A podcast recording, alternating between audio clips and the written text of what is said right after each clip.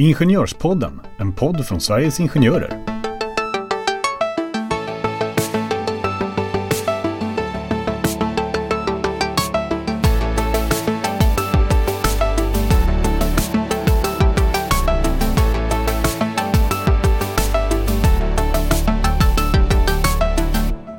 Vad händer i avtalsrörelsen 2020? Vem är högsta hönset på förhandlingsavdelningen? Välkomna till årets sista avsnitt av Ingenjörspodden.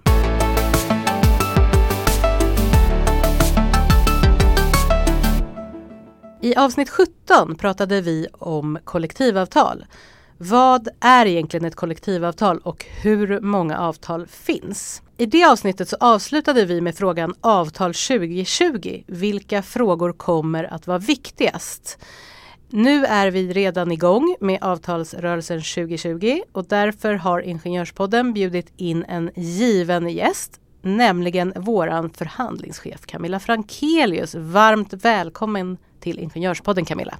Tack så jättemycket. Det är så kul att du är här. Eh, äntligen! Jag har ju velat ha dig som gäst länge men nu passar det väldigt bra. Eh, du kan väl börja med kanske att berätta lite om vem du är och din roll på förbundet tänkte jag. Jo men jag har jobbat här på Sveriges Ingenjörer sedan 2008. Haft lite olika tjänster på förhandlingsavdelningen. Men sedan en tid tillbaka så är jag förhandlingschef för hela våran avdelning. Och vi är ju en eh, ganska så stor avdelning. Vi är fem enheter så att mitt ansvar numera är eh, att ha, vara chef för cheferna kan man säga. De som också då har hand om sen ombudsmännen i sin tur. Just det, och hur många, bara så att man ska förstå, hur många, du kan bara berätta jättekort liksom om hur vi är uppdelade. Mm. Så får man en förståelse. Vi är fem enheter hos oss eh, varav tre stycken eh, jobbar med våra avtal och våra avtalsfrågor där. Och sen har vi en enhet som jobbar med eh, förhandling och utveckling kallar vi den för. Förutom att göra det viktigaste vi kan göra och ta hand om våra medlemmar som ju alla våra ombudsmän och alla våra enheter gör. Så har de också en fråga där de jobbar med utveckling av våra projekt och som digitaliseringen av våran, våra kurser till exempel. Det är en av de frågorna som ligger där. Och sen har vi ju också en avdelning som jobbar med administration och eh, de frågor som kommer in när våra medlemmar vill ha tag på oss och eh, vill eh, att vi ska förhandla för dem så sköter de de frågorna. Plus att de också jobbar med vår utveckling i andra frågor kring kursverksamhet. Just det. Du, eh, avtalsrörelsen 2020, innan vi liksom sätter igång och pratar lite mer, hur skulle du beskriva, alltså någon som inte vet vad avtalsrörelse är överhuvudtaget, hur beskriver man avtalsrörelsen med eh, tre ord. Oj, med tre ord. Eller fem, eller två. Du får välja själv. Det är inte så noggrant, men mer så här kortfattat. Hur skulle du, vad skulle du säga är en avtalsrörelse? En avtalsrörelse är eh, hur mycket ska lönerna öka nästa år? Oh. Det här, för er som liksom inte riktigt lyssnade så, så lyssnar nog ni väldigt noggrant nu. Eh, lön är ju oftast eh, någonting som eh, eh, drar öronen till sig. Men om man då hoppar just lön, för det vi ofta pratar om är ju märket och betydelsen av märket och det har vi tidigare pratat om här i podden också. Hur skulle du säga att vad är märket och vilken roll har märket i avtalsrörelsen och vad har vi och du kanske eh, speciellt för roll när vi pratar om märket? Alltså märket det är ju den siffra som man kommer fram till inom den internationellt konkurrensutsatta sektorn. Alltså vad, vad tål Sverige för att vi ska kunna vara ett land som ligger i framkant? Och då vill man att exportsektorn eh, ska gå före och träffa avtal just kring lönerna. Och sen är det ju så att märket då blir ju för alla de andra sektorerna som kommer efter eh, inom handel och byggsektorn och tjänstesektorn och även kommuner, regioner och, och, statliga verksamheter så blir det det som man ju säger att det här ska man ha, eh, det är vad lönen blir och det bör man förhålla sig till inom respektive sektor. Mm. Men är det väg, för det du säger det är ju att det är vägledande. Men sen så också att det är det lönen blir och det är väl kanske är det en rätt tolkning? Nej, det är, det är vad som blir mm. i det, de centrala avtalen. Mm. Sen har vi också då Medlingsinstitutet som ju då har eh, kan man säga ålagt egentligen industrins parter att vara den som är tar fram det här märket och det som ju då sen alla andra har att förhålla sig till. Så att eh, det är det som blir i själva avtalen. Men sen naturligtvis så, så har ju respektive avtalsområde andra frågor som de också diskuterar och har uppe. Men det är, det, det är så som det oftast då ser ut i avtalen när de är klara. För det som är viktigt är ju, eh, märket kan man liksom inte nog prata, prata om tänker jag. Ehm, för märket är ju precis som du säger, det ska ju vara någonstans vad svensk ekonomi klarar av. Men om man då lyssnar på vårt allra första avsnitt som heter Show us the money, tyckte jag var ett väldigt bra Eh, namn i alla fall på avsnittet och även avsnittet. Så handlar det ju om att, att det finns olika förutsättningar eh, för olika företag. Eh, för märket är väl som sagt då vad hela eh, den svenska ekonomin klarar av och inte kanske vad ett specifikt företag klarar av, vilket det ofta kan tolkas som. Precis, för då är du ju nere på nästa nivå. Mm. Det är när man omsätter avtalen på, eh, i, alltså på företag eller mm. på arbetsplatserna beroende på var man nu befinner sig. Och då är det ju de förutsättningarna som gäller på den arbetsplatsen. Så då är det naturligtvis den arbetsplatsen och den arbetsgivaren och de fackliga parterna där som har att diskutera hur man, vilken lönestruktur det ska finnas där. Hur mycket lönerna kan öka förhållandevis till vinster eller andra förhållanden som de har där. Och då kan det naturligtvis se annorlunda ut än det märke som bestämdes på central nivå. Mm. Och vilka, bara så att vi eh, liksom gör det här klart för de som inte eh, hänger med på allt det här hela tiden. Eh, märket, hur förhandlas det? Alltså liksom om man får någon tågordning på det hela och så din roll i det hela. Ja, märket förhandlas ju mellan då industrins parter mm. och eh, på den fackliga sidan så är det facken inom industrin som förhandlar det. Och vi är fem stycken fackliga organisationer.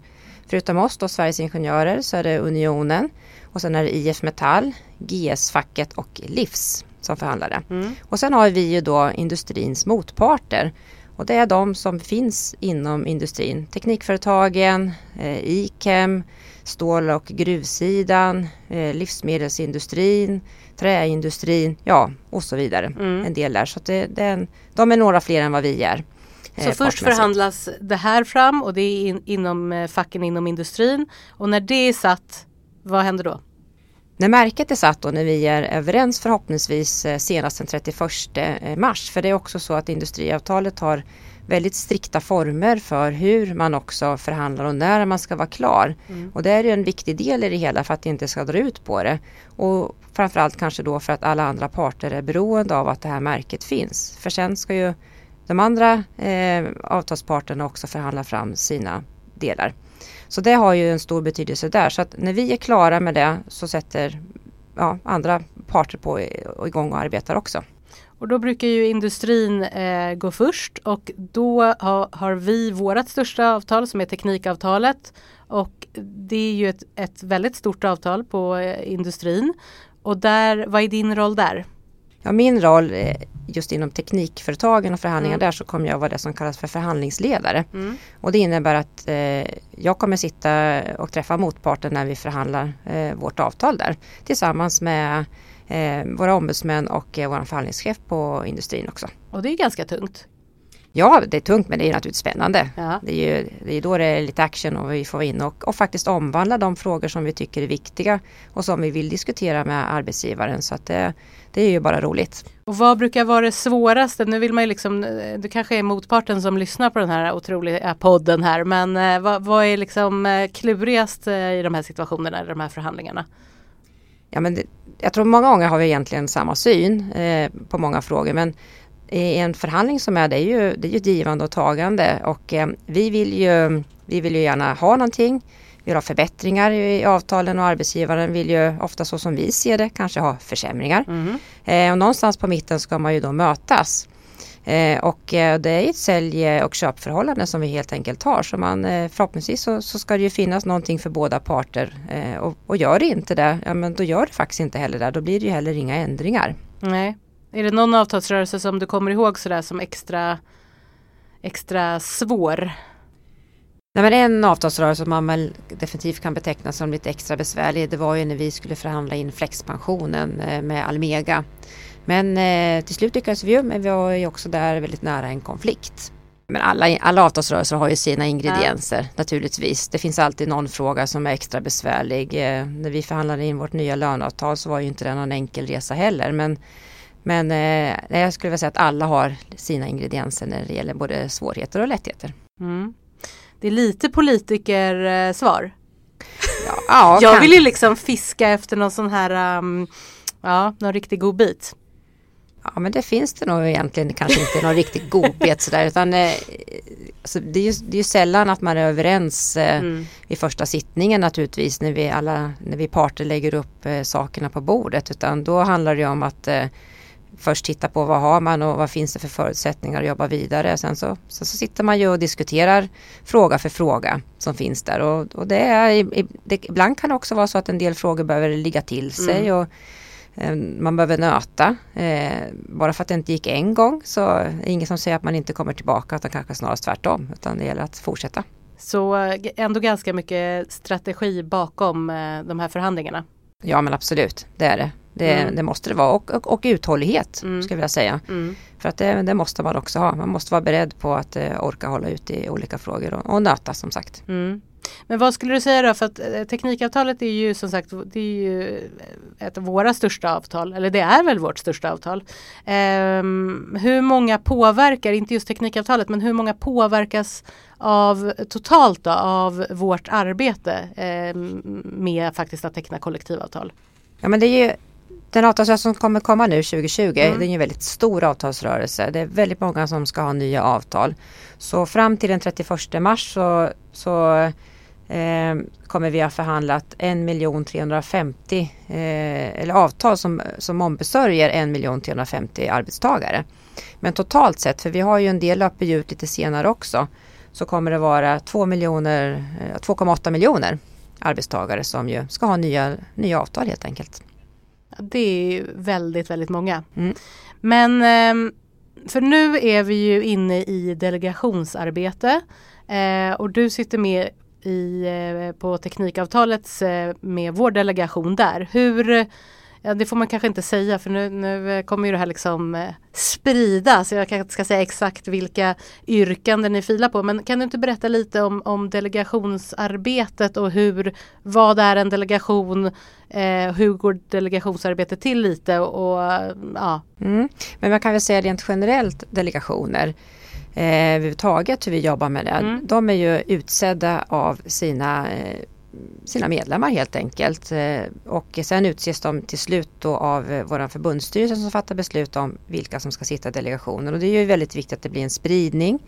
Stora, små eh, arbetsplatser, eh, män och kvinnor Mm. och ja, och olika erfarenheter, både ny eller eh, kanske väldigt mycket erfarenhet. Så att det är väldigt viktigt att delegationerna också har den här spridningen. Så att delegationerna, bara så att eh, vi liksom klargör, det är ju medlemmar i Sveriges Ingenjörer. För hela tanken är ju att det ska gå eh, från medlem och så upp till sen eh, det som ska komma att bli ett avtal. Precis, Mm. exakt. Och de har ju sina eh, tunga erfarenheter skulle jag säga hur saker och ting egentligen fungerar Mm, på arbetsplatserna praktiken, och eh, inte minst kanske våra kollektivavtal Mm. eh, när de omsätts då. Eh, och eh, ja, antingen att saker som de tycker fattas eller att saker kanske behöver ändras. Så Mm. de är ju en väldigt viktig del. Och de jobbar ju med att de plockar upp eh, viktiga frågor som de tycker att vi ska förhandla i en kommande avtalsrörelse. Mm. Men dessförinnan har vår förbundsstyrelse fattat också en avtalsinriktning. Som, och de, de är väldigt stora drag kan man säga. Och går ju inte ner egentligen på djupet i respektive branschavtal. För det är delegationernas uppgift att göra. Men de har ju att ta hänsyn till den här avtalsinriktningen också. och Titta på hur ser det ut hos oss? Är det här frågor som vi behöver omsätta? Och sen går de eh, in i sina egna avtal och tittar på vilka frågor behöver vi förändra för att det ska bli bättre för de som arbetar inom det här avtalet. Så att avtalsinriktningen det är ju det som förbundet kommer fram till att eh, just för den här avtalsrörelsen så ska vi sikta in oss på de här olika sakområdena och sen är det upp till delegationerna att eh, författa själva yrkandet gällande de här sakområdena. Sen kan ju delegationerna självklart komma med andra yrkanden också men de här ska liksom finnas med.